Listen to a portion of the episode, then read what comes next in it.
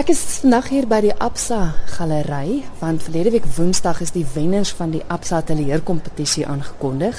Dis die algehele wenner, dan die Gerard Sekoto wenner en twee Merite wenners. Nou hier voor my staan die algehele wenner is Pauline Gitter. Hallo Pauline. Haai Kristel. Baie geluk. Baie dankie. Moet sê ek en jy het 'n vorige keer al op RSG Kuns gesels, maar toe was dit oor groot portrette wat jy gemaak het met gesigte van mense. Maar dit wat ek nou hier voor my sien is heeltemal anders. Verduidelik gou vir die luisteraars wat is dit waarna ons nou kyk? Wel eersins Kristel as jy aankom, is dit 'n 1.8 meter hoë obelisk, soos 'n dis 'n installasiekuns en dan is daar 'n plaatjie wat gegraveer is wat sê hierdie DVD is gegrond op stellings en uitlatings wat deur die deelnemers van die program Boer soek 'n vrou gemaak is. 'n plaaslyn handtelefoon en 'n klein TV'tjie waarop ehm um, die beeldmateriaal wat gespeel word is 'n bil wat in 'n drukgang staan en sy saad word vertaal. Ek gaan gou die gehoorstuk optel dat die luisteraars kan hoor wat dit is wat mens hoor as jy as jy staan. Dis haar doel en dis wat ek dink die die beste is, hè? Ja. Sy moet vir my aanmoedig en sy moet my kan bystaan. In tye van nood, tye waar dinge nie so lekker gaan nie, veral op die plaas. En sy moet saam met my drome kan droom. Ja. My liefie. Daar is uh, die papierwerk. Daar is die gaan haal gou vir my dit, gaan haal gou vir my dat. Sy moet tevrede wees om by die huis te bly om na die kinders te kyk. 'n Vrou moet haarself kan besig hou, hè? Sy moet 'n vlektige Nou ja, dis waarna mens luister as jy die gehoorstuk optel. Ek gaan doelbewus nie die hele een vir die luisteraars speel nie want ek wil hulle moet kom luister na die res. Ja. Waar kom die idee vandaan, Pauline? Wel Christel, dis 'n dis 'n dis 'n projek wat ek baie lank gevat het om te konseptualiseer want die idee het begin by boer soek 'n vrou en dit was 'n interessante gedagte want as jy vat jy het een boer en daar's 10 meisies en baie van die boere as hulle na die vrouens begin kies, dan praat hulle soos soos wat hulle met hulle vee stoetvee maak. Hulle praat van ons gaan gou-gou die meisies klas, jy weet. So die vraag wat ek eintlik stel in die video is kies 'n boer vir 'n vrou op dieselfde manier wat hy sy stoetvee aanteel. Aanteel. So sy moet vrugbaar wees. Sy moet al hierdie goeie deegsame eienskappe hê en baie van die boere op boersoeke vrou kies 'n vrou wat amper 'n trofee is. En ehm um, tot 'n mate die parallel wat ek trek deur die obelisk wat ek gebruik wat 'n gedenknaad, die hele tradisie as ek net vinnig kan 'n uh, agtergrond gee, ehm um, toe baie van die gedenkwaardige monumente opgerig is in ehm um, as mens dink die Anglo die vroumonument is nou uh, 100 jaar oud wat 'n gedenknaad is, maar dit dateer eintlik uit die daai in daai era was al baie Egiptiese ontdekkings gewees. So dit is hoe hulle die obelisk gebruik het, maar net om 'n agtergrond te gee, 'n obelisk is eintlik in die in die um vroeër tydperk gesien as 'n falliese simbool. So dit is ook half 'n teken van die manlikheid. Mm. Maar ook as jy dink aan 'n monument is ook 'n status objek. So die vergelyking wat ek tref met 'n trofee en dan nou die monument wat 'n status simbole. So die die werk het 'n baie baie gelaagdheid aan hom, baie elemente wat alles saam verweef is. Mm. En ehm um, die rede hoekom ek die plaaslyn handtelefoon gebruik het vir die klankbaan is baie spesifieke rede. Is ehm um, as mens dink in die vroeë tyd toe ehm um, TV nog baie gesensor was, daar was nie ehm um, vermaak flieks soos mm. wat mens nou kry nie. En baie van die jong mense wat gevra het as jy vat die boere die boere sit ver op die plase en as hulle nou begin vry dan luister die hele gemeenskap ja. in oor wat gaan nou weer aan en wat se nuus is daar. So die hele aspek van voyeurisme wat inluister is of afkyk is en die aspek van exhibitionisme van jy sit jouself op die televisie om 'n vrou te kry. Kyk as deel van jou prys vir die feit dat jy die algehele wenner is, is dat jy Parys toe gaan. Is dit 'n eerste vir jou? Ek was al in Parys okay. gewees. Ja, ja, en ek en ek het spesifiek het ek gaan kyk waar is die Cité en dit is vir my ongelooflik geweest om te sien dit is in die middel op die Seine rivier van die Notre Dame aan die linkerkant en aan die regterkant is dit die Louvre. So dit gaan vir my ongelooflike blootstelling gee om museums te besoek en werklik waar kunswerke van ou meesters te bestudeer om vir 6 maande daar te bly, museums te besoek en eintlik is dit 'n kulturele uitwisseling met ander kunstenaars en netwerke en um iets wat eintlik as mens dink aan die die ondervinding, dis nie te sê dat jy gaan nou 6 maande Parys toe en jy gaan onmiddellik um, by uitkom sê nie. Dit is iets wat miskien later my lewe gaan na die oppervlakte toe kom of my beïnvloed of so ek is baie opgewonde oor die eintlik die ervaring wat daarmee gepaard gaan. Wel weer eens baie geluk en uh, ja, ek kan die luisteraars aanbeveel om te kom kyk. Dit is regtig nogals besonder. Baie dankie Kristel, baie dankie. Volgende gesels ek met die Gerard Sekoto wenner en dit is Mongezi Zanemvula Ngampai. Ek hoop ek het dit reg. Baie geluk. Ja, thank you. Vertel vir my, hier staan dat dit etching and spitbite is. Spitbite? Uh, okay. Spitbite is a it's one of the etching techniques mm -hmm. whereby you just kind of like paint directly using acid onto the plate. And then you just kind of like create a certain like wash tone and then yeah, you just paint directly and then you rinse off the acid from the plate and then you just print. Ja. Dis 'n werk met geweldig baie detail en die werk van die naam is Migrant Workers Hostels. Vertel vir my meer van die werk en die konsep daar agter. With this work uh, it's kind of like it, it's it's more I, I, I, it comes from like inspired by my the South African political history mm -hmm. and considering that uh, I'm from what used to be a mining town in Benoni and my grandfather grew up uh, came from the Eastern Cape to work in the mine in Benoni. So it comes from those I was trying to because I grew up not knowing my grandfather. So with my first body of work I used to kind of like make do images whereby I kind of like draw work intensive objects that were kind of like try I was trying to kind of like have a sense of connection with my grandfather. So now with this particular work it's okay, considering like the, the, the conflict between the ANC and the IFP, mm-hmm. somehow, you know, I was kind of, I was, I think I was like between 10 or 11, and there was an incident whereby my township in Watville, Benoni, we were going to be attacked by the Inkatha Fruit Party. So somehow we the whole township was kind of in panic and we had to flee.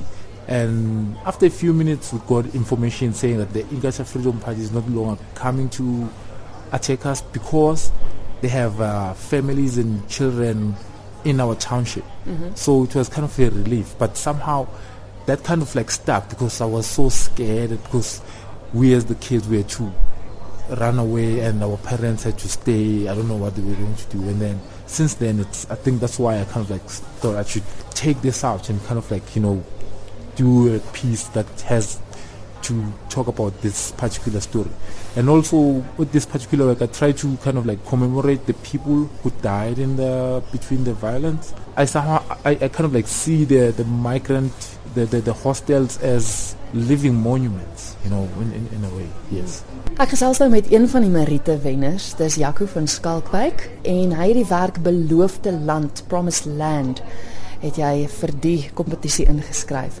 Eerstens baie geluk Jaco. Baie dankie Kristal. Ek is so opgewonde. Dit is 'n wonderlike wonderlike ervaring. Het dit as 'n verrassing gekom? Absoluut. Jo, hulle het dit goed weggesteek, regtig. Jaco, vertel vir die luisteraars vir my van jou werk. Sowel soos jy al reeds genoem het, dit is die ehm um, die skildery is as actually eintlik is dit 'n ehm um, installasie kunswerk. 'n uh, Beloofde land vraagteken natuurlik by. Die werk is 'n gehandel natuurlik oor die tema van verlies ehm um, wat mense ervaar. Natuurlik raak dit ook aan die hele kwessie van uh, grondhervorming wat wat natuurlik soos almal weet baie kontroversieel is op die oomblik. Ek gee geen antwoorde in die werk nie. Dit is 'n uh, vraag wat ek dan vra soos ek sê beloofde land vraagteken. Ehm um, natuurlik van verskillende agtergronde vra ek hierdie vraag van my eie agtergrond. Ek is 'n 'n wit Afrikaanse man in Suid-Afrika, jong jong mense in Suid-Afrika en dan natuurlik van ander uh kultuur, kulture in die land vra ek dieselfde vraag vir hulle part.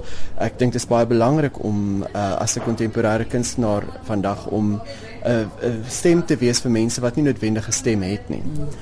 Daarom ehm um, die werk is ehm um, is 'n landskap is 'n landskap en figure. Die figure is eintlik op hulle eie aan een deel van die skildery en die landskap aan die ander kant. Dis korrek, ja. ja. Hulle is nie wel is seker in, maar nie in die landskap nie. Ja, nee, dit is hulle is nie in die landskap nie. Dit is hulle is geheuksta posisioneer langs mekaar. Ja.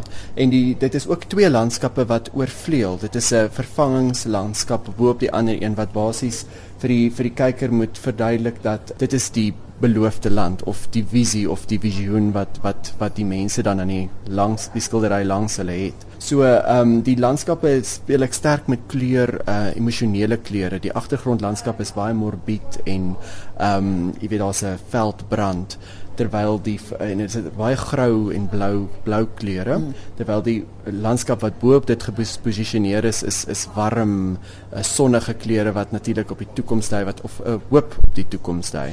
En natuurlik ehm um, is dit nie alwaar uit die werk bestaan nie. Dit is uh, in 4 kwadrante opgedeel die werk.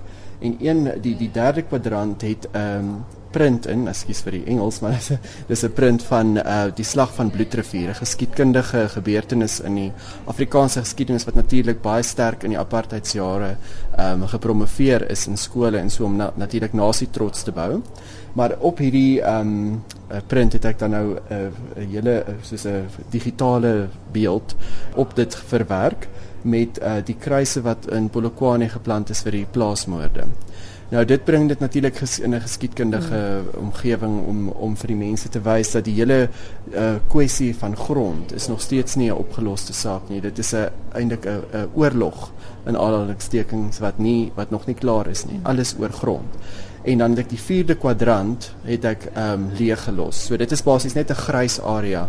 Uh, ek ek nooi die kyker uit om deel te hê van die skildery en om my te help soek vir 'n uh, vir 'n antwoord of vir 'n beeld vir die laaste kwadrant. Nou as deel van jou prys gaan jy Duitsland toe. Ja, fantasties. Ek as as ek reg onthou vorige jare het die Merite wenners nie ergens heen gegaan nie. Dis korrek ja, dit, hulle het uh, in vorige jare was daar die wenner en dan vyf Merite pryswenners wat ek dink um, om en by elkeen R25000 ontvang het. Ehm um, hierdie is die eerste jaar wat hulle die pryswenner het en die natuurlik die Gerard Sekoto prys en dan het hulle net twee Merite pryswenner uh, wenners uh, waarvan een na Duitsland toe gaan, die Zilt Quell ehm um, Foundation en dan die ander prys is na New York vir 'n vir 'n maand dink ek wat ook van die Ampersand Foundation is. Laastens gesels ek nou met Dr Paul Beiles, hy is Absa se kuns- en museumkurator.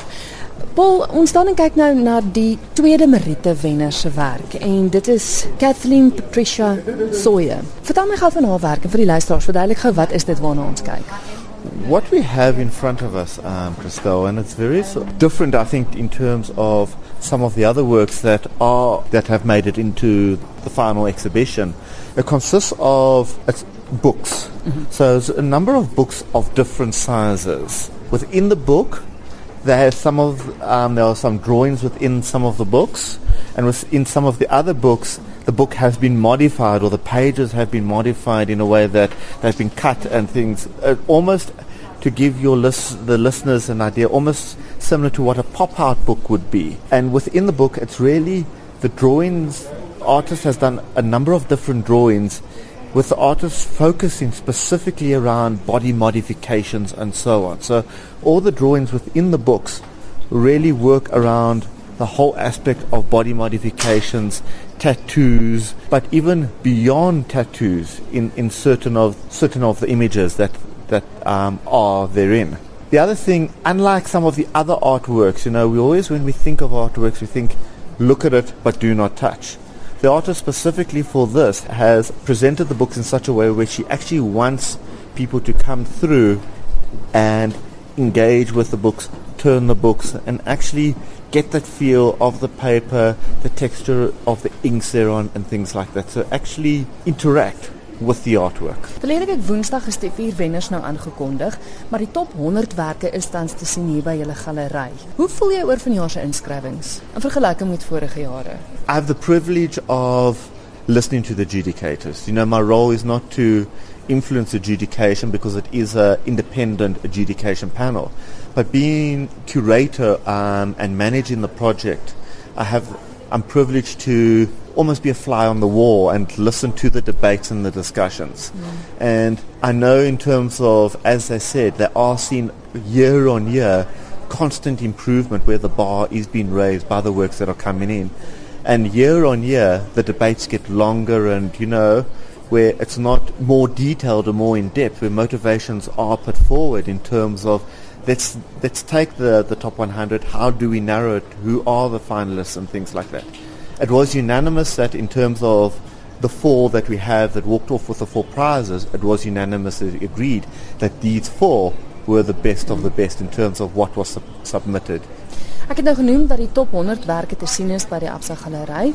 Tot wanneer toe is die werk te sien? Um, the works are on exhibit until the 22nd of August. Um, and the gallery is open from 8 through to 4. So members of the public are welcome in here. What we do do request though from people that would like to come in and see the um, exhibition, please just bring along identification so you are granted access to the facility, you know, driver's license, ID book or passport. But they're more than welcome to come in and do take a walk through.